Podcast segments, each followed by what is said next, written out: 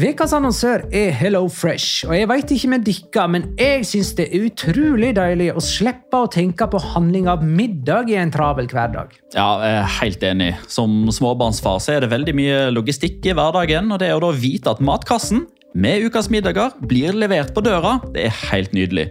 Da slipper du impulskjøp på butikken når blodsukkeret er lavt, og når du kommer hjem, kan du bare ta ut posen med dagens ingredienser fra kjøleskapet og sette i gang matlaginga.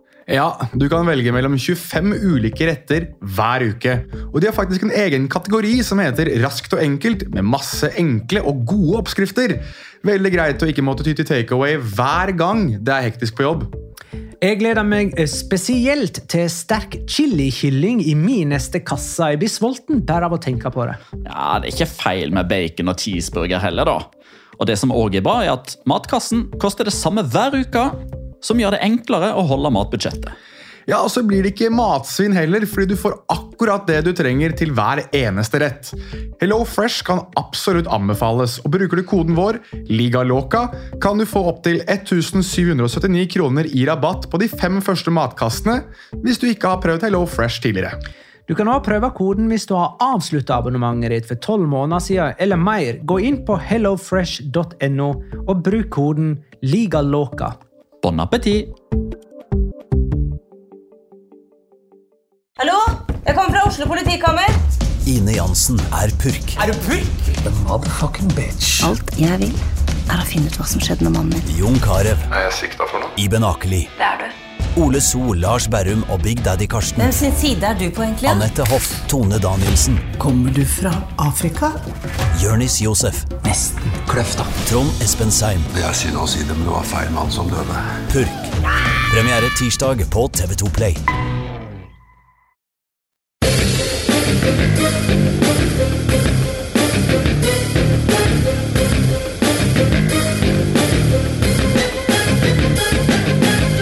Har du sett? Det ble ei god helg for de tre største i Spania, som nå er topp tre i La Liga. Både Barcelona og Atletico takka tidligere utskjelte spillere som Dembélé og Griezmann for sine nåværende kunster, mens både Venicius og Valverde fortsetter med hakeslepp fotball for Real Madrid. La liga loca. En litt gærnere fotball. Ja, ja, ja. Dette er La Liga Låka, episode 223 av det ordinære slaget med Petter Wæland, hei. Hallo! Jonas Giæver, hei. Shalom son homs. Og Magnar Kvalvik, hei. Hallo, Magnar. Hei, Magnar. Ja, neimen da har vi kost oss med La Liga-fotball både i helga og i midtveka som var, men blir det noe La Liga-fotball å kose seg med til helga som kommer, Petter? Ja, Det er jo det store spørsmålet som de eh, Ikke alle, men nesten alle som er interessert i eh, å jobbe med spansk fotball, stiller seg eh, for tida. Eh, Og det er jo på bakgrunn av all den informasjonen som har vært umulig å unngå, som har kommet fra Spania de egentlig de siste halvannen uka. Har det vært umulig å unngå Nei, Ja, jeg vil si at det er umulig å unngå det. At, Det var nå en hashtag på hver bidige kamp gjennom 90 minutter. ja, Ukraina var plutselig ikke så viktig lenger. Altså, de, fikk, de fikk beholde flagget på den internasjonale feeden, men ikke på den spanske. Da var det Lady Porte para todos oss Ja. både oppe og nede på skjermen. Med unntak av i to kamper. Uh, Med unntak av i to kamper. Ja, Det var- det sto ikke i Real Madrid sin kamp, og det sto ikke i Barcelona sin kamp. Nei, men du så vel ikke den på spansk?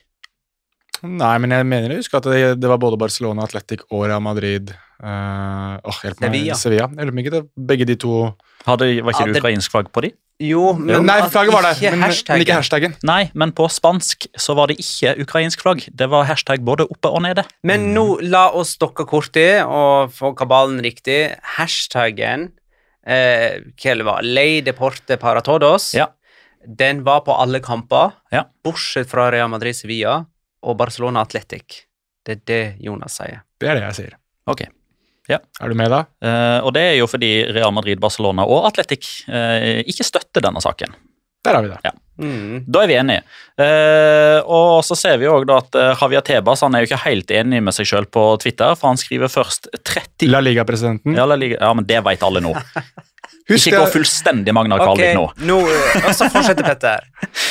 For først skriver han 38 klubber som har blitt eh, sunne og friske økonomiske, vil ha Plan Impulso, altså denne CWC-avtalen. Så, så skriver han 39 klubber har lyst til å eh, ja, Han klarer ikke helt å bli enig med seg selv om det er 38 eller 39 av disse 42 La Liga-klubbene. Men han, han, skriver jo da på Twitter altså 38 klubber som er, har blitt økonomisk friske. Eh, 39 klubber som har lyst til å beskytte de nasjonale ligaene. Det er 39 klubber som har lyst til å fortsette å, res, å, å hjelpe resten av idrettene i Spania. Eh, de har lyst til å fortsette å hjelpe den ikke-profesjonelle fotballen, og det er 39 klubber som ikke har lyst til å ødelegge det man har klart å oppnå. Eh, La Liga har jo òg nå, for eh, i det vi snakker da, for to timer og 15 minutter siden lagt ut en showreel av alle spanske fotballpresidenter, minus tre, som har vært på La Liga-TV sine sendinger på, eh, på, pitch, altså på kamp, eh, og forklart og eh, utbrodert hvorfor det er så ufattelig viktig for La Liga at denne sportsloven ikke endres.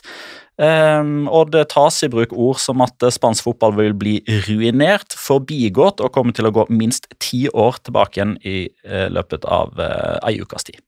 Så frykten er at denne loven blir endra, Ja. uh, og en endring kan medføre, eller åpne for, uh, aksjoner som Superliga. Mhm. Uh, og det hindrer den der CWC-avtalen på et Ja. eller annet vis. Ja, eh, det må vi jo eh, håper jeg, å si, nevne her. Da. at Det, alle disse dommedagsprofetiene, det er ikke, det er ikke sånn at eh, når eller hvis dette, denne lovendringa går gjennom, og det er vel på tirsdag, altså i morgen, den eh, liksom skal opp i eh, deres svar på Stortinget, Um, så er ikke det sånn at i det øyeblikk så er alt eh, ødelagt. Det er det ikke. Men det åpner for muligheten til at man kan organisere en liga som superliga. Det åpner opp muligheten for at en CWC-avtale kan bli erklært ugyldig. Eh, det åpner opp for at klubber som Real Madrid kan eh, i hermetegn ødelegge alle sponsor-markedsavtaler som La Liga har gjort i alle andre nasjoner enn Spania. Eh, og det, det vil destabilisere den, eh, den tryggheten som veldig mange La Liga-klubber har opparbeida seg nå i løpet de, i løpet av de siste åtte årene. Og du, du husker jo òg dette her, Magna, fra, fra, fra den tida da vi eh, kommenterte fotball på Seymour, Kanal Pluss.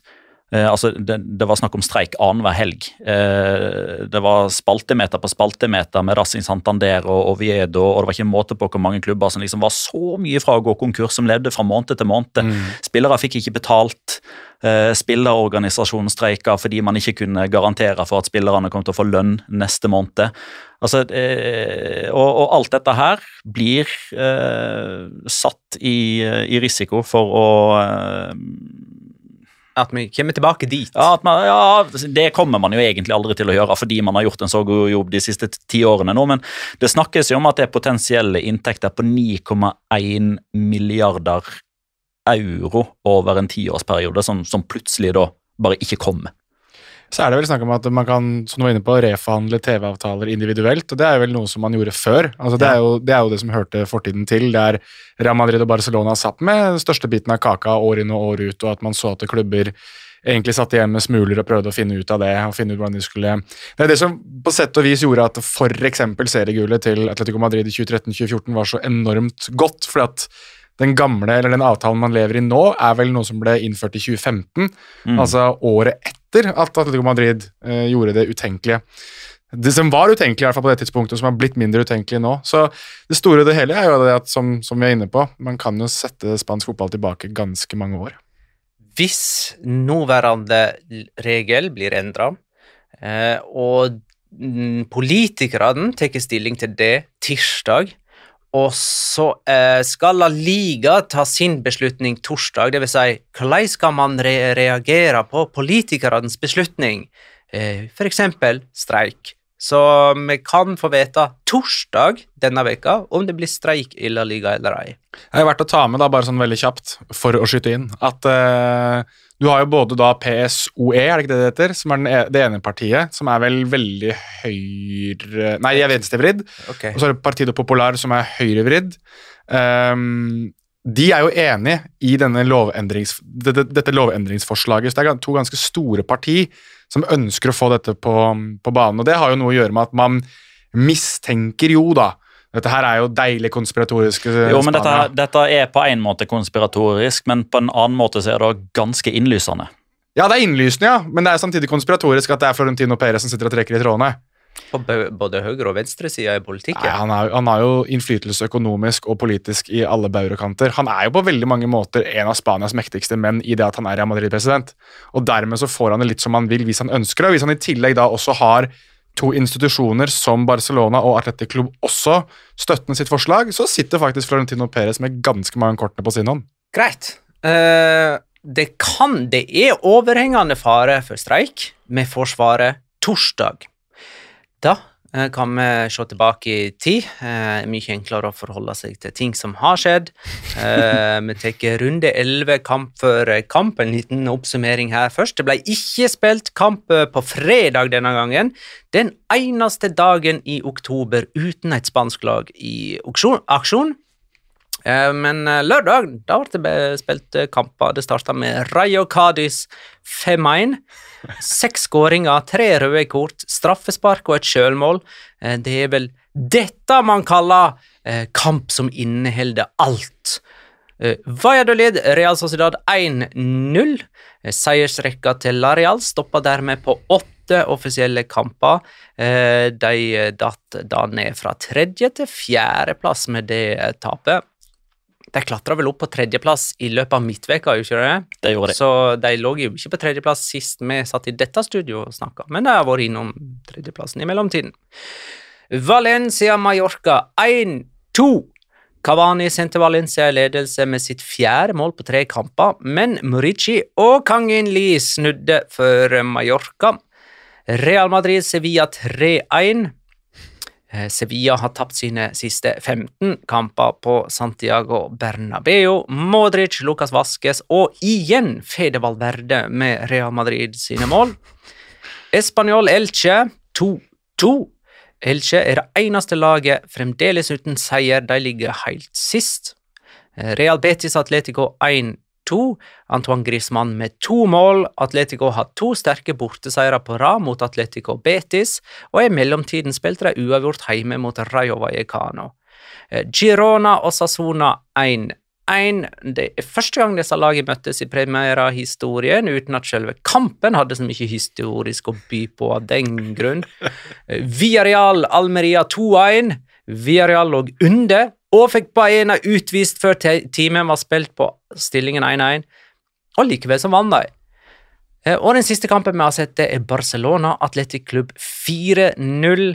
Eh, Denne kampen var avgjort etter 22 minutter. Da leder Barcelona 3-0. Ett mål og tre målgivende av Osman Dembélé i dette oppgjøret. Vi kan begynne med eh, Real Madrid-Sevilla, som altså endte 3-1. Eh, Sevilla ganske gode i lange perioder, spesielt på stillingen 1-1, eh, men man visste jo at det kunne ikke gå. Nei, vi vi satt jo egentlig bare og venta På de to målene til Ja, i alle fall det ene der. Uh, og det er jo uh, altså, Jeg hadde ikke all verdens forventninger til Sevilla før denne kampen. her. Altså, du, du nevnte det jo, Magna, at nå er det 15 strake, men før kampen så var det jo 14 strake. Sant? Og så er det liksom ja, Nå har liksom Sevilla vært oppe og pusha og nikka litt de siste sesongene, og nå er de drita dårlige. Så på en måte så er det en sånn absurd logikk som kanskje da tilsier at nå, nå Og derfor jeg hadde de. Derfor jeg trodde de skulle slå dem. Men det ble nei. Det ble nei. De spilte uten spiss òg. Uh, Men, altså, men altså, eh, det er liksom Det er én ting som er, eh, som er bare sånn Kan Sevilla være så snill bare begynne å skjerpe seg i disse bortekampene mot topplagene? Altså, jeg er så, Det er liksom selve manifestasjonen av hvorfor de aldri klarer å ta det siste steget. De har 41 kamper på rad borte mot Real Madrid, Barcelona og Atletico Madrid uten Ja. å vinne. Og så er 30, 41! 37 av dem blir jo ledet av Ona Emery, så der har du jo forklaringa di. Ja, det er ikke riktig. Nei, det er ikke det, men Eh, uansett. Men det var min uh, locora, da. eh, bare for å oh, ja. ta det sånn som eh, jeg hadde tenkt det. Jeg kan ta det veldig kort. Eh, Sevilla vant på Santiago Bernabeu i 2008. Var det 4-3 de vant? Ja. Eh, og siden så har de altså ikke klart å vinne en eneste kamp borte mot Barcelona, Real Madrid eller Atletico. Eh, og det vil altså si 41 strake bortekamper mot de tre. Så der har du det som venter Sevilla hvis de eh, roter seg inn i Superligaen. Det er litt gøy. Ja, ikke sant? Nei, Det er litt gøy. av. Slapp. Det er litt moro at du nevner Atletico Madrid, fordi altså, siden altså, Atletico Madrid var jo ikke så gode da. De var jo ikke blant de tre store. altså Grunnen til at vi nevner Atletico nå, er jo for at de, de er de tre Ja, ja. store nå, men det tok jo fire år før de var der, i alle fall. Jeg syns jo det var litt sånn eh, utsyking, kanskje litt sånn tilfeldig utsyking av Real Madrid, som gjør jo det man skal gjøre, for så vidt, med å eh, løfte Ballon d'Or. Altså Benzema var ute og løfta Ballon d'Or før, eh, før kampen starta. Liksom, eh, du er ikke så jævlig høy i hatten når du står der og ser mot sidelinja, han står og løfter eh, Ballon d'Or, og så har du Modric som gir det til han, og Zidane som står og gliser ved siden av han igjen. Du, liksom, du kjenner at du er litt mindre da enn resten hvis du er Sevilla-spiller, tror jeg. Og så ble jo. Benzema satt på benken Ja, det eh, han. attpåtil, liksom. Ja, han sto jo der i sivilt, så det, det var litt Ja, Han var jo heller ikke på benken. Nei, for han var jo ikke det heller, nei. Han, nei. men uansett, det var um, Nei, jeg, jeg er enig. Da, da Lamela utligna, så tenkte jeg sånn Ja ja, men vet du hva, dette kan jo bli Nei, det ble det ikke likevel. Det ble ikke gøy i det hele tatt. Det ble, det ble Real Madrid oppskriftsmessig. Real Madrid-seier. men igjen, da, det, vi snakker jo om og, og, og vi kommer til å fortsette å snakke om Real Madrid liksom på, på samme måte så lenge de ikke taper. fordi Det er liksom det som er greia nå. altså spørsmål, Vi hadde jo en liksom avstemning sist om når kommer de faktisk til å tape første kampen. Eh, I ligaen, vel å merke. Jeg tror de brått ryker mot Leipzig denne uka her, når det er uten Modric, uten Benzema, uten Valverde. Eh, Og de er videre. Og de er allerede videre, eh, og sannsynligvis også gruppevinner nærmest uansett hva som skjer, fordi de har Celtic hjemme i siste. Men eh, det er liksom, jeg har litt lyst til å snakke liksom om, eh, om hvor imponerende den forståelsen av hierarki i den klubben er. Spesielt nå sett i lys av at Isco er borte, Bale er borte og Marcelo er borte. Som er tre potensielle råtne epler i kurven, som har en status som ikke nødvendigvis samsvarte med det de fikk ut på banen, eller det de fikk lov til å prestere på banen. Men jeg, jeg synes det, er så- det er så fascinerende at i en klubb som Real Madrid, som på godt og vondt eh, har vært kjent som stjernenes mekka, der man samla Ronaldo og Owen og Zidane og Figo og hele den gjengen der og ikke vant en skit, og alle bare husker at Ronaldo, Owen, Zidane og Figo var der samtidig, Og Beckham. og Beckham. Vi kan ta med Ronaldo òg. Ja, ja. Eh, eh, men du har liksom Du har Benzema, du har Modric, du har Kroos og, og du har Courtois. Eh, kan for så vidt ta med Carvajal òg, som har vært der nå kjempelenge, og som presterer når de må. Hver gang de må prestere, så presterer de. Plukke trofeer, plukke gullballer. Alle snakker varmt om de til alle døgnets tider. Og når de blir hvilt, så er liksom erstatteren bare kom inn og gjør stort sett det samme. Eh, nå begynner Marco Ascencio å levere. Vinicius har jo levert som bare juling i snart to år. Rodrigo har levert som juling i snart uh, tre kvart år. Ja. Fede Valverde er kanskje den beste midtbanespilleren uh, i Spania for øyeblikket. Lucas Vasques gjør som han får beskjed om. Nacho gjør som han får beskjed om. Militao har vokst fram. Alaba, har, har noen hørt Rydiger klage over at han ikke er førstevalg? Jeg har ikke hørt en skit. Har noen hørt Lonin klage for at han aldri får spille? Nei, det har ikke jeg. Tar Lonin vare på sjansen når han får den? Ja, han gjør det. Hører noen Mariano klage? Hører noen Eden Azad klage? Altså, det er så god stemning der at det nesten er litt sånn Skal ikke det snart ta litt fyr? Eh, siden du nevnte Valverde som en av de beste Eller sa du den beste Ja, jeg er oppe og nikker på den beste i Spania. Eh, Så Ørjan spør hvor hen rangerer ikke Fede Valverde blant midtbanespillere i verden? Og hvor mange mål ender han opp med denne sesongen? Kan han ta Haaland? Ja, man kan vel ta det var Jeg så det var snakket i Spania om at han eh, kan ta rekorden til Lionel Messi for antall skåringer utenfor boksen. Endre Tengren skriver at Messi står der med ni mål fra utenfor 16 meter i 18-19-sesongen. Ja, Og nå har Val- Valverde fire. Han har altså skåra i tre seriekamper på rad, alle med skudd fra utenfor 16 meter. Det var i breisida mot Barcelona, det var med vrist nå mot Sevilla, og det var med venstre mot Elche.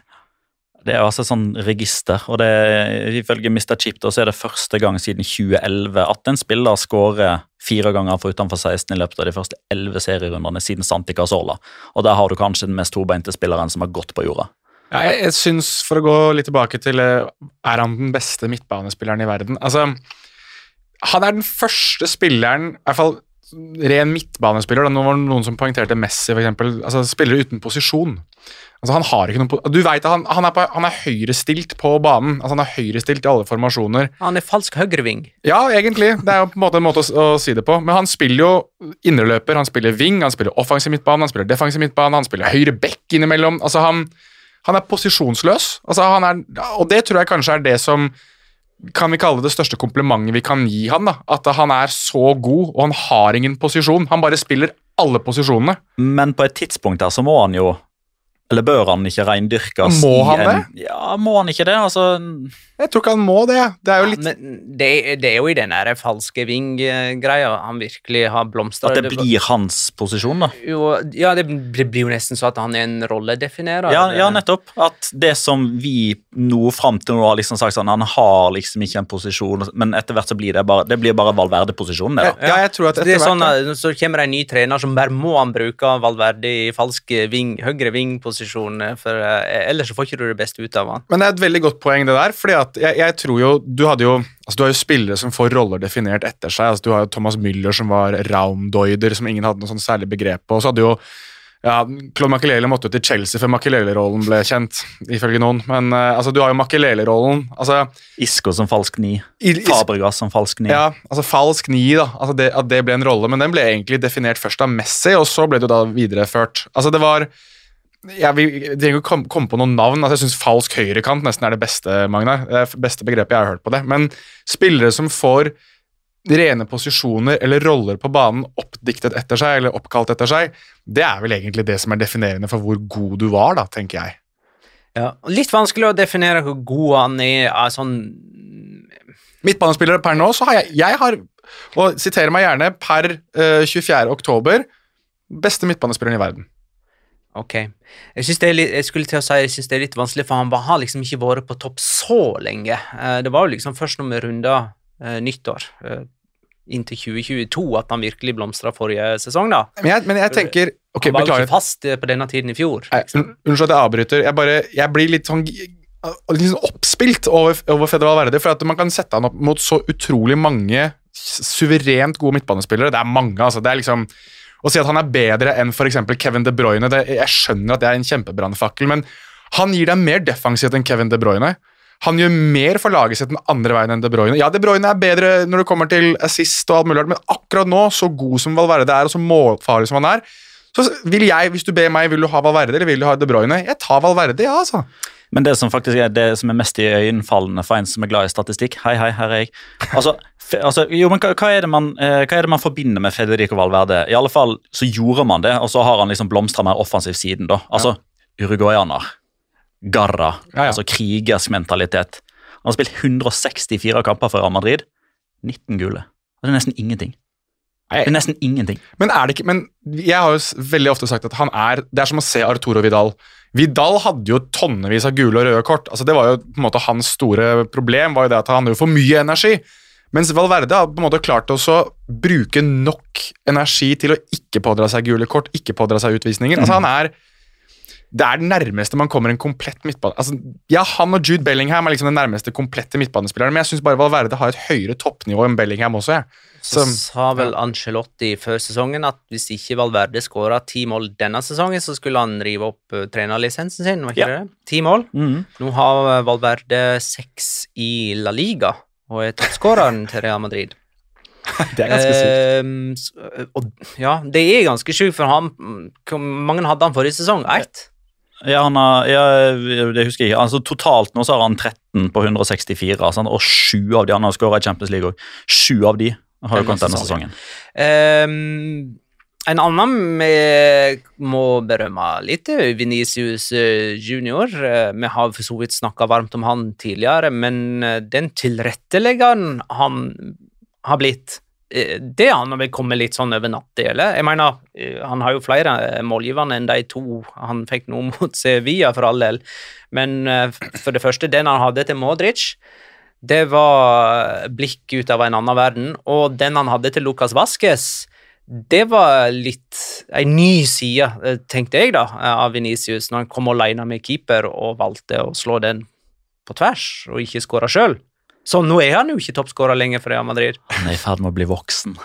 Han er i ferd med å bli voksen. har du hørt? Ja vel. begynner med den der, ja. Altså, Modenheten selv. bare, bare en liten fun fact, da. Modric. Det er den skåringa hans i Real Madrid-karriere fra, fra nærmest målstreken. Altså, Er det det? ja. By far. Ja. Uh, altså, han, uh, han har uh, Lurer på om det Altså, han, han skårer i snitt fra 14,8 meter. Og dette er jo nesten på streken, så Det her tok du bare fra husken, eller? 14,8? Nei, jeg regna på det på Ja, lørdagskvelden, der, men jeg husker ikke nøyaktig hva det var. Eh, han skåra her i en På al- desimale. bare for å sagt det. På desimale tok han det. Eh, Dette tar jeg ikke bare sånn fra hodet, jeg tar det fra Pedrito Numeros. Eh, Modric skåra her i en alder av 37 år og 43 dager, eh, noe som gjør han til tidenes tredje eldste målskårer for Real Madrid, etter Ferins Puscas og Alfredo Di Stefano. Og Alfredo Di Stefano kan han så visst slå i løpet av denne sesongen her, blir ikke det riktig? 37 år og 255 dager var Di Stefano. Spørs om det blir streik eller ikke, da. Ja, det Ja, hvis det blir Det streik, så gagner jo det Modric. Og alle andre som har lyst til å ta tidenes eldste rekorder. Men må ta en sesong til og skåre eh, seint i den for å slå Puskas, da. Null stress. Null stress. Uh, vi kan ta dette Ballon d'Or-esk eh, spørsmålet fra Geir Halvor Kleiva. Er dere enig i at Courtois burde ha vært på pallen over de beste spillerne i verden? Jeg så at han hadde i hvert fall sin mening om det. Han sa jo det at han eh, hadde vunnet La Liga og hadde vunnet Champions League, og hans redninger hadde vært veldig betydningsfulle for at Real Madrid vant begge deler, men han endte på syvendeplass. Og da, hva mer kan man gjøre da, var liksom det han hadde å si. Jeg syns han har et veldig godt poeng. Eh, samtidig så er det sånn at eh, keepere blir alltid nedvurdert i sånne kåringer. Jeg husker jo da Ja. Hvem var topp tre? Karim Benzema. Mané og De Bruyne. Litt vanskelig å slå deg, eller Ja, jeg, jeg syns det. uansett? Jeg syns det er kjempevanskelig. Uh, men jeg husker da Manuel Neuer var jo oppe og snuste på Ballon d'Or for noen år siden. Da var han jo på en måte redefinerte keeperplassen og var sweeper-keeper og liksom eh, Barcelona Nei, Barcelona sier Bayern München spilte eh, 30 meter høyere i banen fordi de hadde Neuer bak, som var liksom et forsvar alene. Altså Det var så mye rundt Neuer da, og hele den derre maskinkeeperen han ble. og må jo si det at eh, Hvis det er liksom standarden som settes for at man skal være så høyt oppe i en Ballon d'Or-kåring som keeper, så har Courtois noen steg å gå. altså. Han har det, men, men Men han har òg et poeng. han har et kjempepoeng. Et kje eh, og jeg, la meg altså misforstå meg rett, jeg er ganske enig med Courtois, men, men det er bare sånn det er. da. Det er, det, Det- er ikke like glamorøst. Det jeg syns er vans vanskeligst, da, er jo å sammenligne keeperprestasjoner med Jeg er helt enig. Eh, Jeg har lyst til å ta ett spørsmål til ifra denne kampen, eh, og det er Petter Losvik som spør. Er vi alle enige om at Alex Telles Det er Telles, sant? Ja. Ikke, Mm. ja. Alex Telles og andre United innleide spillere ikke gjør Sevilla noen tjenester? Eh, svaret er til- ja. Gleder meg til Donny van de Beek neste sesong. Svaret er ja. Og eh, en liten ting til apropos det. Eh, når, når Sevilla på Twitter sånn driver og promoterer han som AT3 Mm. eh, da, får, eh, da, da kan hvem som helst eh, få denne her initial eh, draktnummer-komboen som sier merkevare. Jeg ville heller hatt John Jordan som får en sånn merkevare. Jeg hotta, hotta, ocho. Ja, det hadde faktisk Den er ikke så dum, faktisk, men ja, ok. Eh, 14 seire og to uavgjort på sine 16 offisielle kamper nå for Real Madrid. Det er deres beste sesongstart etter den spanske borgerkrigen. Og eh, de kampene som gjenstår før La Liga tar pause, det er Girona, Rayo og Cádiz.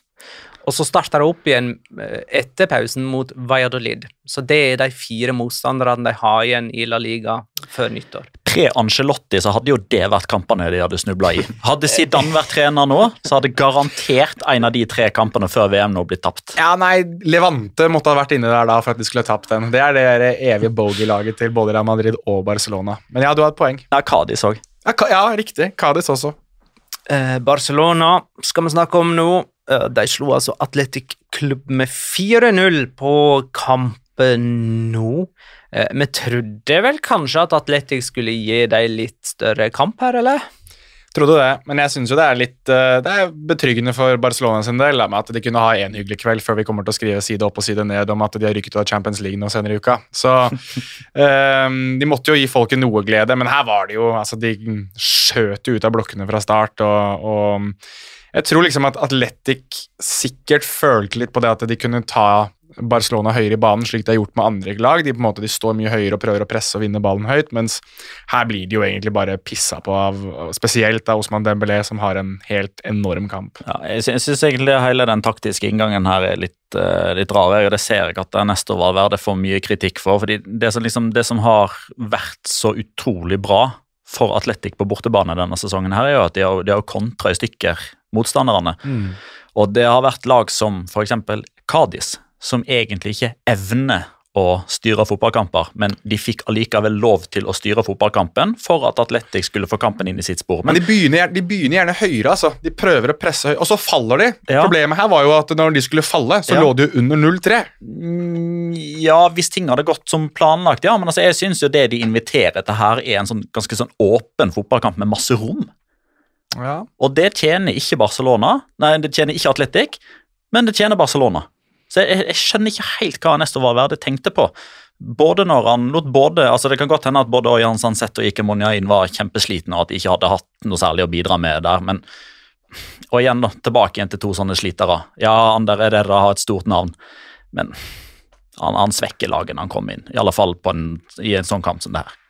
Må også bare få sagt det at dette her Hvis ikke karrieren til Oscar de Marcos er ferdig nå etter denne sesongen her Altså det var et par ganger, spesielt da jeg møtte Balde på sida der, et par ganger jeg tenkte at eh, wow Hvis ikke, du, hvis ikke han har et virkelighetsøyeblikk i løpet av den kampen der hvor han sier det her klarer jeg ikke lenger, så kommer han aldri til å ha det. Nei. Fy faen, altså. Jeg, jeg, lenge siden jeg har sett en back bli lurt så mange ganger, trill rundt av, av flere forskjellige spillere i løpet av samme kamp. Vet du hva, nå, har- nå har jeg lyst til å dra en parallell mellom to ting vi har snakka om til nå i denne podkasten her.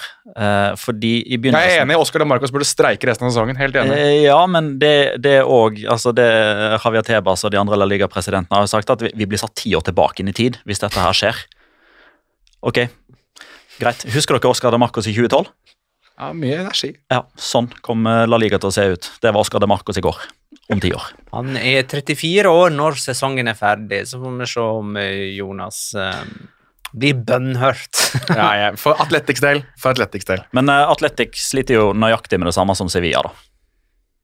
Ja, eh, hvor mange kamper på rad har de borte mot eh, Barcelona, Real Madrid og De har, Atletico. eh, de har ikke vunnet borte mot noen av de tre store siden de slo Atletico Madrid i 2011. Og det var jo akkurat når de var i ferd med å begynne å bli store. De har 17 kamper på rad borte mot Barca uten å vinne i, i La Liga. 12 mot Atletico, 11 mot Real Madrid. Så til sammen da 40 kamper.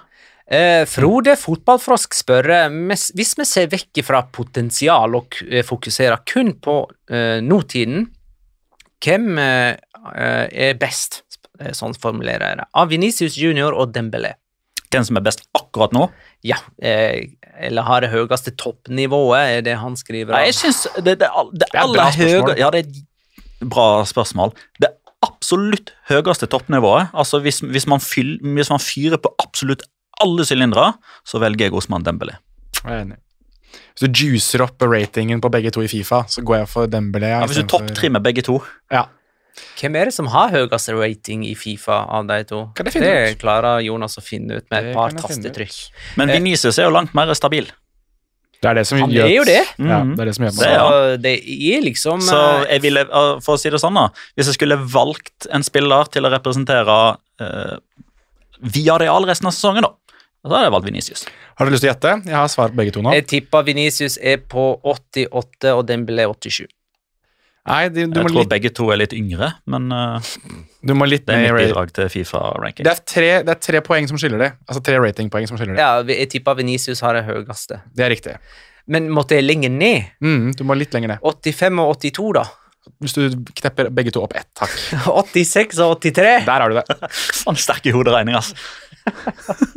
Osman Dembélé 83 og Venicius 86.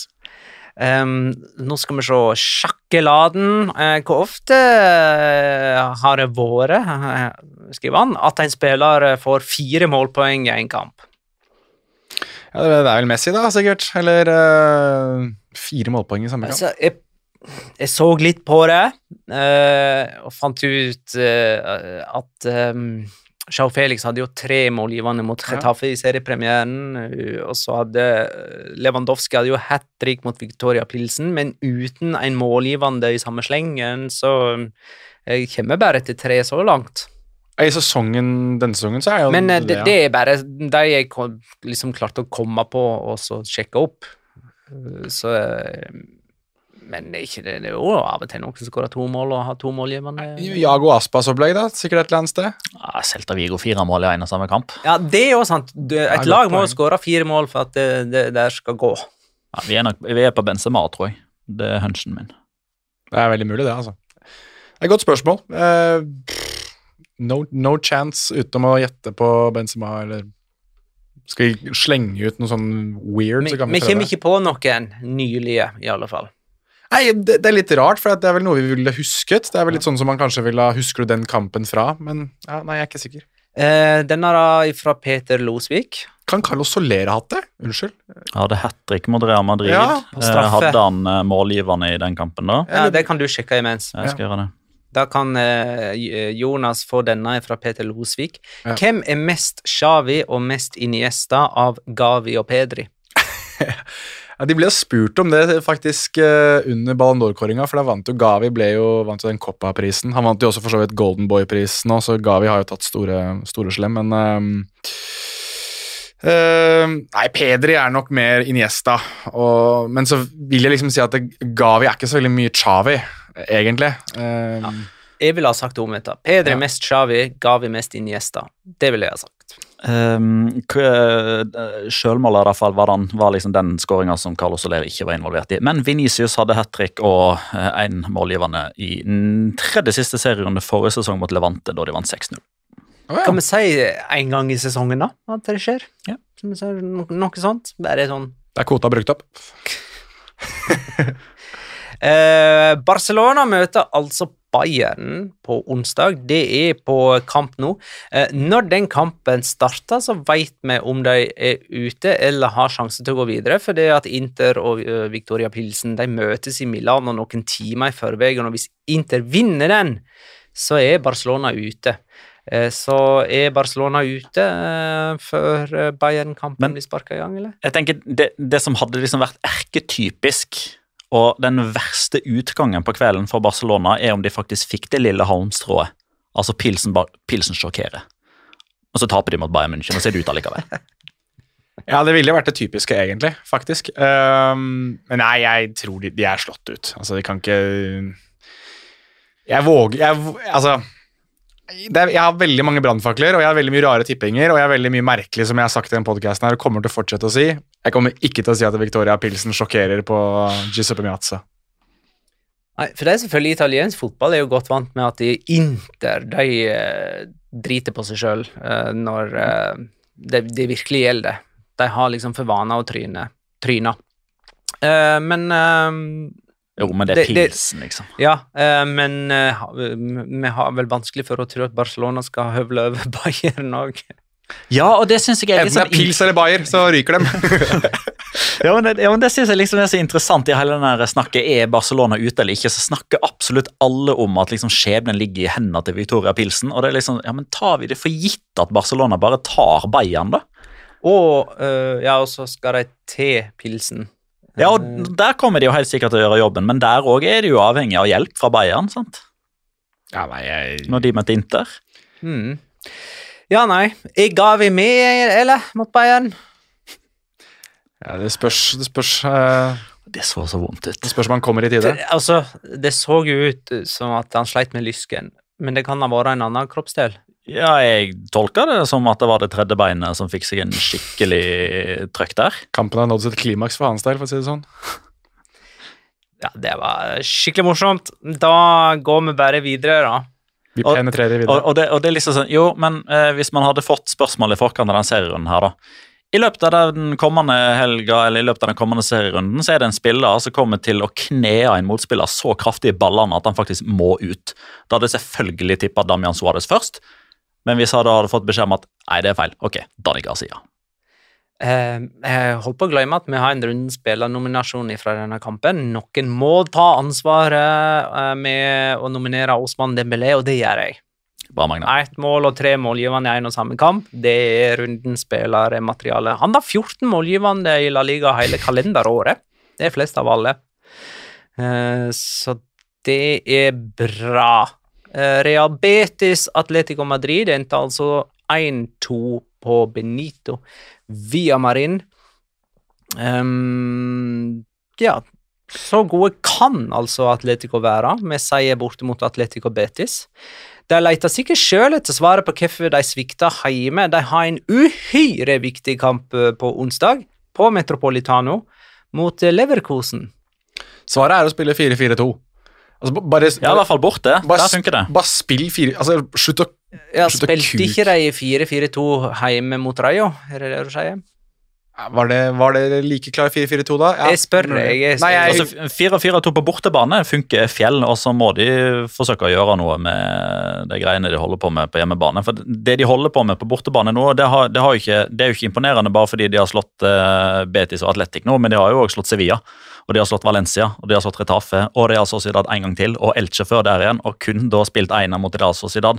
De har sju seire og én uavgjort i løpet av de siste åtte bortekampene i La Liga. Det er den beste rekka siden de ble seriemester. har, de, har de vunnet ja, vel, Det har de jo helt sikkert, men jeg håper si har de vunnet siden Wanda ble til Civitas? Det, det, det kan ikke være langt. Det Ja, det, det har de, men dette, dette begynner å eh, minne Altså, Atletic lider nå litt av det eh, som tidligere var et Viareal-syndrom, som de har blitt kvitt, og et Atletico. Cádiz-syndrom som de ikke har blitt kvitt. Nemlig det at de ikke klarer å vinne etter navnebytte på stadion. Altså, Viareal var kjempegode på El Madrigal, og så bytta de til Estadio de la Ceramica. Det gikk nesten et år før de ble like gode på hjemmebane.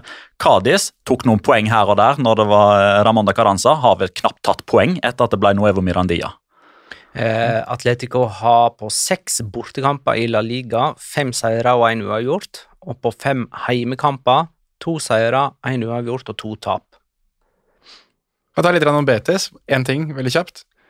Jeg vil bare få sagt det at det var deilig at eh, Nabil Fekir bare minnet oss på at så god kan jeg være! Så god kan jeg være. Jeg kan bare brese i ballen i krysset. Vet du hvem som òg skåra den dagen? Broren hans? Yes, Ja, nei, det for Ballona. Hvor hen er de? Nei, det er langt nede. Det er langt nede. Det er nivå tre, tror jeg. Ja. Ja. Eh, men eh, litt eh, klassisk Real Betis, dette her under Pellegrini. De slår de lagene de skal slå, men klarer aldri å ta en storskalp. De har én seier, fire uavgjort og 13 tap mot Real Madrid, Barcelona, Atletico og Sevilla. Vi fikk litt, for litt sinne Pellegrini her etter den kampen her. Det var litt, litt gøy. Han kritiserte Simione. Han sa at det laget som kom for å ikke tape, vant, og det laget som prøvde å vinne, tapte. Var det han sa om den kampen her. Det er Ja. litt gøy. Og- Pellegrini. Ja, det er litt gøy, men samtidig så er jeg litt sånn overraska over Skal du, gode gamle ringrev, virkelig la deg lure ut på surfebrettet på den måten? Pellegrinete. Uh, har vi en runden spillernominasjon fra denne kampen? Det har vi, uh, og litt fordi at jeg har harselert veldig mye med ham, så synes jeg det er litt sånn betimelig at Antoine Griezmann skåret både før og etter timen var spilt i det oppgjøret her. Uh, han vartet jo opp med et av mine absolutt favorittbegrep i det som kalles goal olympico, altså en olympisk scoring. Da han skåret direkte fra, fra corner på spansk, så heter Dette det greier faktisk de engelske kommentatorene ut om på TV 2. Ja, de gjorde det, ja. De engelske kommentatorene på TV 2 kunne det. Det er bra. Det er godt at eh, det er noen som kan det. Hva for kamp er det vi snakker om nå? Betis Atletico? Ja, det Ok. det. Ja. Men uh, fortsett uh, du, Jonas. Takk, takk. Nei, uh, de, han hadde også Jeg syns Griezmann hadde et hav av gode involveringer i det oppgjøret her. og Det virker som han har det har gått en liten faen i han. da. Og Nå har det vært veldig mye kritikk rundt han, og han har blitt liksom tema for veldig mye tull og fjas i serieåpninga. Og nå er det også en avslutning her som Ja, han presser den i mål, men det er liksom litt sånn grismannsk over det. Og feiringene ligner litt mer på Grismann, og det, det, måten de angriper på, spesielt på bortebane, i 4-4-2, passer Antoine Grismann veldig, veldig bra. Og jeg liker det litt grann når jeg kan sitte her hver eneste mandag og snakke dritt om en fotballspiller, og så når du kommer helga etterpå, så smadrer det inn to fantastiske skåringer. Da må jeg bøye meg i støvet og nominerer Antoine Griezmann til rundens spiller. Han har 100 mål i premierer for Atletico Madrid og mangler bare to for å tangere eh, Fernando Torres. Det er ganske imponerende. Mm. Liten shout-out bare til Saul, Mm. som plutselig har begynt å bli litt god igjen. Og det, det kan jeg like. 4-4-2 på bortebane. Riktignok. Mm, mm. Skomaker blir ved din lest. Um, Villarreal slo altså Almeria med 2-1, og dette stadionnavnebyttet for Villarreal det funka helt fint, for på Ciotate Valencia så har de seks seire og én uavgjort på sine sju offisielle kamper. Um, ha- har vi en locora herifra, eller Petter? Ja, det har vi. Ja, Bare lente tilbake og nyte. Og dette, her er liksom, det, dette er en av årsakene til at denne podkasten har det navnet den har. Um, og det er liksom, ja, kan sikkert folk stoppe meg på gata eller sende meg en melding og si ja, men dette kunne skjedd overalt. Ja da, det kunne sikkert ha gjort det, men det skjer litt oftere i Spania.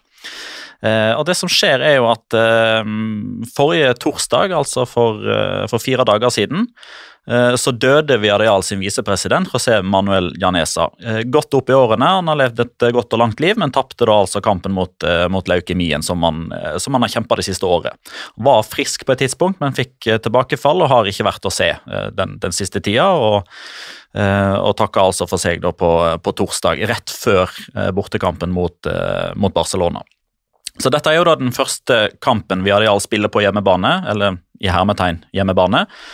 Eh, klokka ni seinere på denne kvelden her så skal det jo da være en, en minnestund for Janesa i hjembyen hans, som ligger mellom eh, Valencia og Viadial, der folk kan komme og gi en siste hilsen, skrive i ei bok og levere blomster på graven osv.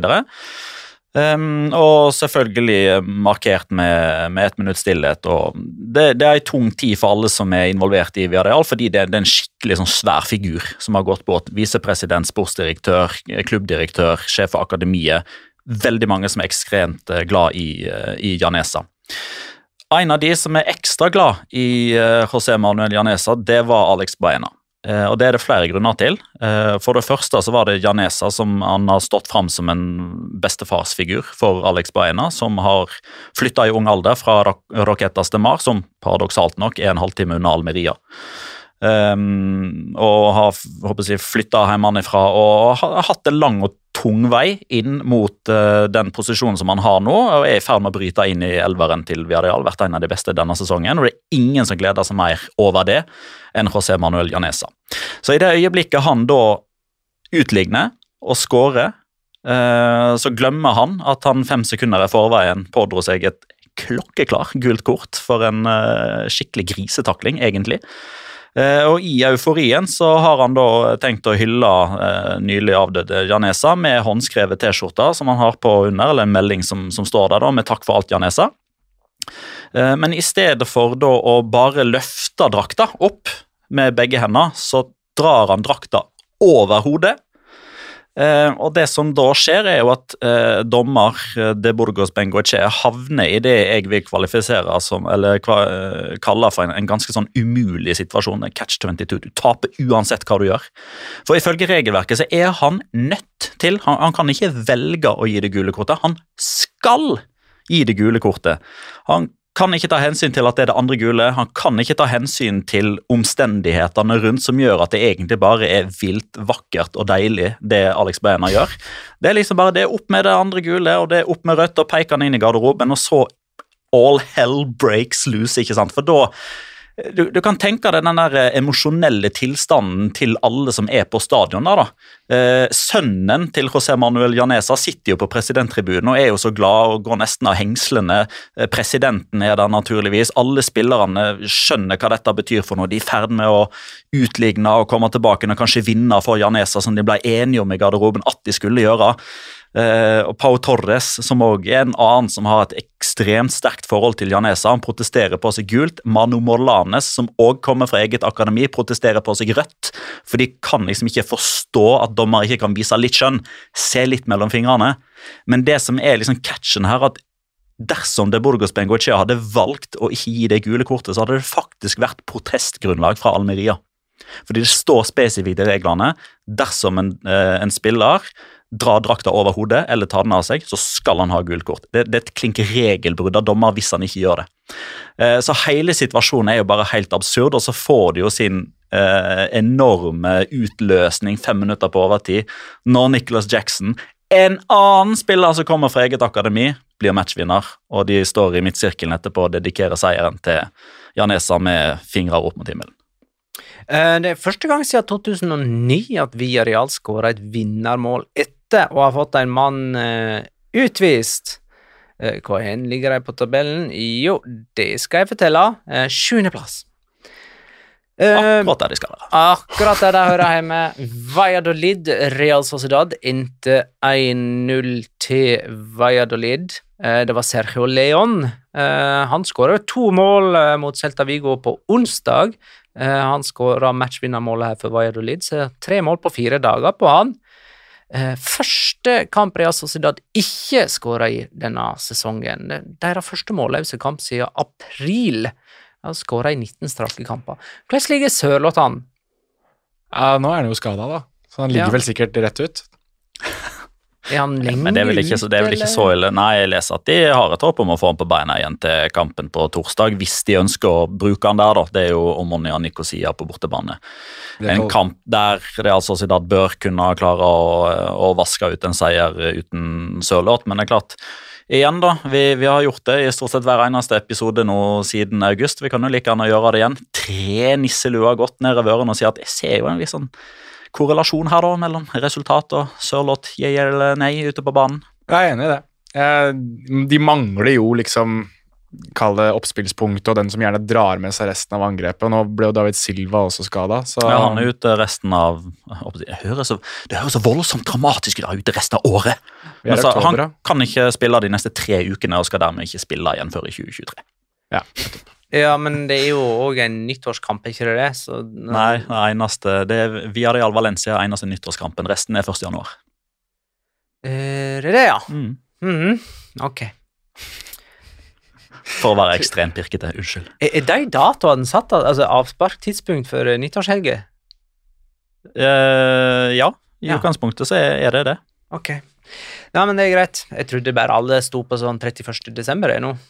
Nei, Jeg har i alle fall lest et eller annet sted at uh, den eneste kampen som blir spilt på nyttårsaften, er Villarreal Valencia pga. at det er en uh, nyåpninga av Stadio de la Ceramica. Akkurat. Syns for øvrig at det var uh, litt gøy at når eh, Real Sociedad skulle tape uten å skåre mål, så ble det selvfølgelig 1-0 til eh, motstanderlaget. Det måtte jo det måtte bli sånn. Vi får ikke, altså Petter hadde jo en fantastisk fin eh, ekstraepisode, men jeg vil bare slenge på Jordi Masip, som eh, hadde en litt sånn eh, straffeopptreden mot selveste Jago Aspas i midtuka forrige uke, som jeg syns var eh, fryktelig gøy. Eh, så får jeg nevne det i en ordinær, ordinær episode også. Han reddet jo to straffer. Men en ting som må nevnes fra den kampen her, da, altså hvis vi hadde hatt Vi har, vi har jo runden spiller, men hvis vi hadde hatt en, en ditto, eh, typen Frio eh, i Fuegoen eh, muntlig òg, så hadde det vært dommeren i denne kampen her. Og det er bare sånn på generelt grunnlag. Jeg er blant de siste Altså, jeg står, jeg står nesten bakerst i køen for de som skal klage på dommer sånn på generelt grunnlag. Jeg forsøker å vise forståelse for at det er fryktelig dårlig osv., men Figueroa vaskes. Altså, han har vært ute og måtte altså, Han har vært til spott og spe foran den stakkars monitorskjermen åtte ganger allerede denne sesongen og uh, renska opp i egen drit. Han er så dårlig. Takk. Eh, men eh, Roar med skarre lurer på hvem eh, vi syns ser ut som det beste laget av de som ligger fra fjerde til sjuendeplass. Og det er altså Real Sociedad på fjerde, Real Betis på femte, Atletic Klubb på sjette og Villarreal på sjuende. Eh, det er de som eh, fort kan kjempe om fjerdeplassen, det. Kanskje sammen med Atletico, som er nummer tre, og veldig ustabile. Jeg har jo tippa før sesongen, så sa jeg jo Villarreal. Um, men av de lagene som ser best ut, så synes jeg Hvis vi bare kan glemme den serierunden her, da, så synes jeg Atletic Club har vært utsøkt i uh, visse kamper. De har fire kamper på rad uten seier, da. Jeg syns de er gode, ja. Selv om de ikke vinner, så synes jeg de ser ut som et jævlig bra lag. Jeg står ved Betis på fjerdeplass. Jeg står ved Real Sociedad på fjerdeplass. Ja. Nei, jeg står ved Villarreal. Ja, ja, tro dere meg. Jeg Så endrer vi har tre ulike på Ja, ja. fjerdeplass. Det er kjempemoro, det. Kjempegøy. Kjempegøy. Eh, Valencia Mallorca endte 1-2 på Mestalla. Er Kang- Er er ferdig med å beklage seg nå, eller? Ja, jeg veit ikke hvor mye jeg får lov til å si om det der, men altså Ok, Men heter han Lee Kang-in eller Kang-in Lee? Jeg vil Altså, på sørkoreansk så tror jeg det blir Lee Kang-in, men uh, det er vel vanlig at i, i Det er det samme som at du ville vært Kvalik Magnar i Sør-Korea. Ok, Han uh, skåra altså matchvinnermålet til Mallorca og begynte å springe for å juble, men stoppa opp, og så slo han håndflaten sammen og eh, prøvde med all mulig tydelighet å beklage eh, for heimefansen at han skåra mot sin tidligere klubb. Dette er ikke Jonas veldig glad i. Ikke jeg heller, for den del. Nei. Syns det er tåpelig. Ah. Det, det har ikke noe for seg. Men det, Så vi det, men, det, men det skjer jo, og det har, det har blitt en sånn der, det har blitt en pandemi nå. Altså, eh, ja, jeg registrerte òg at altså, Taivo Aivonji har jo på mange måter begynt å gjøre det litt til si greie at han skal ikke juble uansett, fordi det gjorde han ikke når han skåra sitt første mål òg, men, men da var det litt sånn mm, Var det offside, var det ikke offside? Trenger jeg å juble før liksom, bekreftelsen kommer? Men altså, han, han var jo eid av Liverpool i en sånn seks-sjuårsperiode, men han var jo knapt innom Melwood. Altså, jeg tror ikke han har hilst på Jørgen Klopp engang. Og så blir han matchvinner for Nottingham Forest i første kampen mot Liverpool på 7000 år. Og så bare Nei, nei jeg må vise litt respekt. Ja, altså Jeg tror alle vet sikkert hva jeg mener om det, og det Altså, jeg, jeg syns det er For å ta det bare sånn helt faktuelt, da. Altså, Kangin Lee var en av de aller største talentene hos, hos Valencia. Altså, mange hauste han opp som det neste store, han skulle være en leder, og så hadde han kamper der han var kjempegod, kamper der han var utrolig dårlig, ble utvist overraskende ofte. Eh, virket å være en sånn spiller som sto litt i stampe, og så var det kontraktsforhandlinger med han og en del andre av disse spillerne som var, hadde gått gjennom Valencia-systemet, for det har han jo gjort. Og han var en av de var vanskeligst å, å forhandle med. Og det, det som ble enden på visa der, var jo at Valencia rett og slett ga han bort. Altså Han ble ikke solgt. han ble De terminerte de terminerte kontrakten hans uten noe, noe tilbakekjøpsklausul, uten noe videresalgsprosent, ingenting. Kunne gå akkurat dit han ville, valgte å gå til Mallorca. Altså Han ble kastet på dør altså, fra, fra Valencia.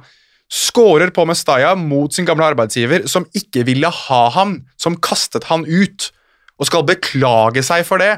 Kjøss meg direkte i ræva. Det er det dummeste jeg har sett. Her skal du ned på kne, du skal slå deg på brystet. Her kunne du dratt av deg drakta. Helt greit, ta det gule, ta det røde, ta hva faen du vil. Men at du ikke feirer mot Valencia, det irriterer meg, og jeg tenker at den det kanskje irriterer mest, må jo være Mallorca-supporterne, som tenker at det her, dette er jo en av oss, nå har han vist at han virkelig tilhører oss. Nei, da skal han opp og beklage seg og pisse møkk. Ja, det brukte han nesten hele postmatch-intervjuet med å gjøre. også. Ja, få det bort. Altså, det er greit. Altså, hvis, han, hvis han var så ekstremt lei seg for å forlate Valencia, så hadde han, hadde han firet på kravene og blitt værende under dårligere krav enn det han ble tilbudt, tror jeg.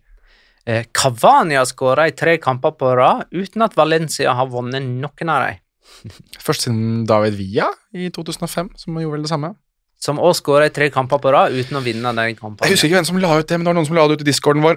som la det ut. Pedrito Numeros la det ut. Da var det noen som sikkert uh, hadde et sitat på han. Mm, var vi ferdig her? Nei, altså Han mista Chip òg en eh, litt eh, morsom For han har skåra fire mål på de første seks kampene sine. Og den første uh, som har gjort det for Valencia siden 2004, da var det legendariske udødelige, den som alle husker, Marco Di Vaio. Oi! Jeg husker Marco Di Vaio ganske godt, jeg. Eh, Rayo Vallecano Cádiz endte altså 5-1.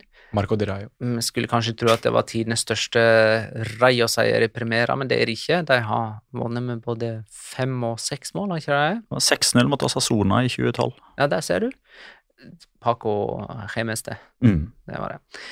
Ehm, her har jeg egentlig et spørsmål. Hvem skalla ned hvem av Randi Enteka og Fali? Eh, altså, Enteka fikk eh, rødt kort, eh, men skalla ikke de egentlig sammen i den bataljen de hadde? Eh, og så var det Fali som valgte å legge seg. Ja, ehm, To betraktninger her. Det ene er at den, den minner mistenkelig om Douglas Louise mot Mitrovic eh, torsdag kveld. For de gikk jo inn mot Du ser hverandre mye. Premier League, da i det stedet. Ja, jeg må gjøre det fordi det er en del av jobben min. Men, men det, jo, jo, men hør da, det som er greia da, er jo at altså, Douglas Louise og Mitrovic og Farli og Randien Teka de går jo bare mot hverandre. Og den som er størst får jo vondt i panna, ikke sant? fordi den andre når jo liksom altså Det er høydeforskjell her. Det er jo det som gjør at den ene liksom får vondt og ikke. altså De, de skal jo i hverandre, og høydeforskjellen gjør at én får vondt og den andre ikke. Litt sånn som Arild Ortega selvfølgelig gikk rett i bakken da han skulle skalle med Edvin van de Saar. For eksempel. Eh, Men den andre tro, Tror vi Fali sa 'pumba' når han gikk ned? Nei. Jeg retter på at han ikke gjorde det. Det er jo referanse til at eh, han skriker Pumba hver gang han header. Hver gang han header ballen ut fra Hver gang han klarerer med hodet, så roper han 'pumba'. Ah. Eh, har vi en runden spiller fra denne kampen? Ja, Det kom har igjen, vi. Petter. Hva det heter han? Eh, og nå står Jonas med en pistol rett ved siden av tinninga mi. Han har tvunget meg til å gjøre dette her. Nei da, det har han ikke. Det er faktisk med, med fullt overlegg Av egen og egen fri vilje. For Florian Lejeune Han er ikke så veldig god midtstopper, men han er kjempegod frisparkskytter. eh, Og han er god på offensiv dødball. Det skal han ha. Det skal du ha, Jonas. Den spotta du tidlig. Han bruker virkelig den her eh, Lyon-Joninho-teknikken. Ja, han Ja. gjør det. det. Det duppes og det flakkes, og det er vanskelig for er keeper å ta det. det er faktisk ikke dupp.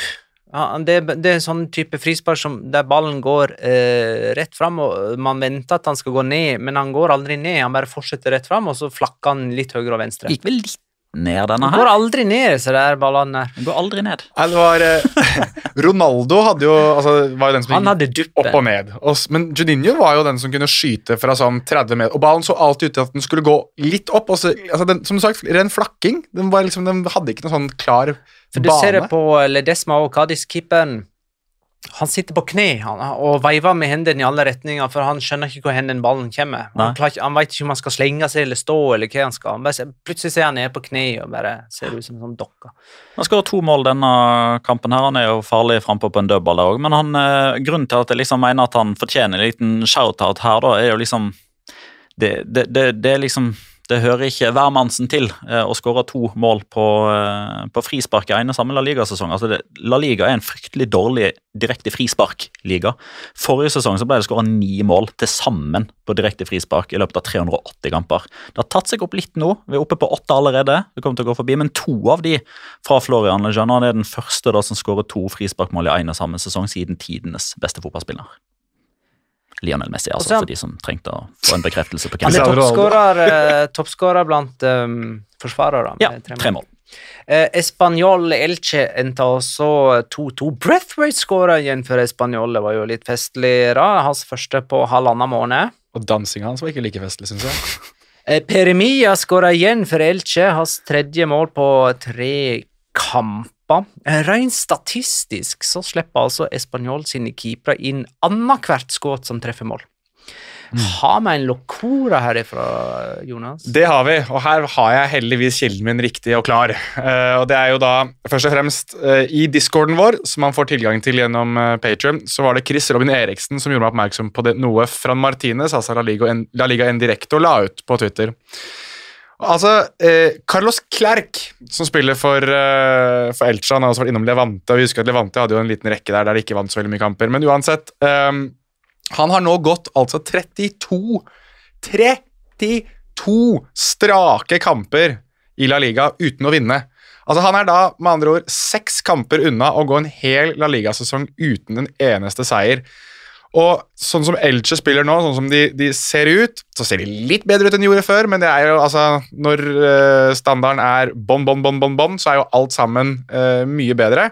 Men jeg tror fort han kommer til å nå den 38-kampersrekka. så han er da den første, og har dermed eh, den rekorden han kan vise til alle alle han er glad i, og alle han ikke er fullt så glad i, selvfølgelig. Så Carlos Clerc får bli min uh, locora. 10. april 2021 var forrige gang han vant eh, en fotballkamp. Men, men del locora, for, for å fylle på din locora nå. I tillegg så har jo nå Sergi Gomez 23 kamper på rad uten å vinne for Español. Og eh, Jorge Almiron 19 kamper på rad uten å vinne som trener for Elche. Og alle disse tre fikk jo bare pluss én etter å ha møtt hverandre. Måtte bli uavgjort, dette! Jorge Almiron, ass. Det... Igjen, da, mens jeg er inne på, på trenere som får lag til å se bedre ut enn det de var før. Igjen, da, når utgangspunktet er så dårlig, så er jo alt bedre. Men jeg syns Elche De biter greit fra seg. All right. Uh, sparer det beste til slutt, nemlig Girona Osasuna 1-1. Eh, Nei, men her, eh, dere vet jo hva jeg eh, har fokus på. Eh, Eitor Fernandes han sto altså i mål for Osasona da, da de holdt nullen og vant mot Español i midtveka. Og så veit ikke jeg hvorfor, men Sergio Herrera var altså tilbake mellom stengene og slapp inn, selvfølgelig. Er det Ja. noen som veit? Nei, det er vel Sergio Herrera er å foretrekke, da. Eitor Fernandes sto altså mot Español, holdt nullen, var god. Og så var det rullering, liksom. Så denne, dette er den ene kampen du skal få uh, for uh, Ja, altså, oppmøte. ba ba basert på det du sier nå, og basert på det som ble sagt for et par uker siden, så kommer jo ikke jeg til noen annen konklusjon enn at Sergio Herrera må jo date dattera til Jago Barasate. Ah, der har du Det er den eneste som har lyst til å Holdt på å si Så Da det- slår Sergio Herrera to fluer i en smekk. Da får han kanskje formere seg, og han får stå i mål. Greit. Eh, skal vi kåre rundens spiller, da? Nominerte er Antoine Griezmann, eh, Ousmane Dembélé og eh, Le Det går ikke an å komme foruten Dembélé. ikke det? Vi går vel i den samme smellen igjen, at den som blir lansert sist, faktisk er best. Det var vel rett før vi gikk inn i studio her at eh, ja, nå må jo ha Dembélé. Det er noen som må se kampene, vet du. Så det, ja, men uh, Da blir det Osman Dembélé, da. det blir Osman Dembélé. Ja. Det gjør det. Greit, da skal vi tippe. Uh, forrige kamp det var Real Betis Atletico, uh, som endte 1-2 med Antoine Griezmann som første målskårer. Jeg hadde 1-2 med Iglesias som første, første målskårer, så jeg får tre poeng. Petter hadde 0-1 med Griezmann som første målskårer, det gir tre poeng. Eh, og Jonas hadde 1-1 med Morata som første målskårer, det gir null poeng. Jeg bare gir opp, ass. Faen i helvete! Jeg har 16, Petter har 15, Jonas har 4. Kan vi slutte å ta hvor mange poeng folk har? Jeg gidder ikke mer! Eh, Real Sociedad, Real Betis er neste kamp eh, vi tipper på søndag klokka 21 dersom det ikke er streik. Og jeg sier 2-1 til Real Sociedad. Har skrevet Sørloth, men nå er jeg litt usikker. Eh, Fikir. Ja, eh, her kommer jo min teori opp til prøve igjen. da. Eh, To lag som skal utfordre Atletico Madrid om tredjeplassen, sparke bein på hverandre. 1-1. Første Første målskårer. Det tror jeg blir Breis Mendes. Ikke så dumt. Jeg tok Fikire nå. Det er, det er ikke sikkert han spiller heller. Jonas. 1-0 Kobo. Kobo. Så raskt har du aldri svart før. Nei, Jeg var bare så jævlig bra eller glad for at det var ingen som tok 1-0 til Real Sociedad, for vi vet jo at det blir det. Jeg vurderte det, men jeg er så lei av å høre Nei Ja, det er, men det, det har skjedd altså, Jeg håper at noen har statistikk på det. Hvor mange ganger jeg er blitt rana for resultatet mitt. Ikke glemmer ja, at vi har masse innhold på Patron, da. Jeg glemmer alltid at vi skal ta det i begynnelsen. Nå har jo folk slått av. uh, men takk for at dere lytta. Patreon.com Ja. Og dere hørte det her først. Jeg gleder meg til i kveld. Da skal jeg sitte og hytte med neven, for da skårer Jørgen Sand Larsen sitt første La Liga-mål. Det er når Celta Vigo møter Getafe en mandagskveld klokka 21. Eh, takk for at du lytta, kjære lytter. Ha det, da.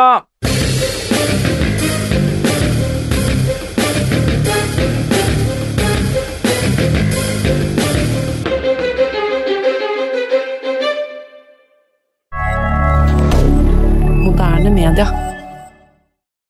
Har du et enkeltpersonforetak eller en liten bedrift? Da er du sikkert lei av å høre meg snakke om hvor enkelt er med kvitteringer og bilag i fiken, så vi eh, gir oss her, vi. Fordi vi liker enkelt. Fiken superenkelt regnskap.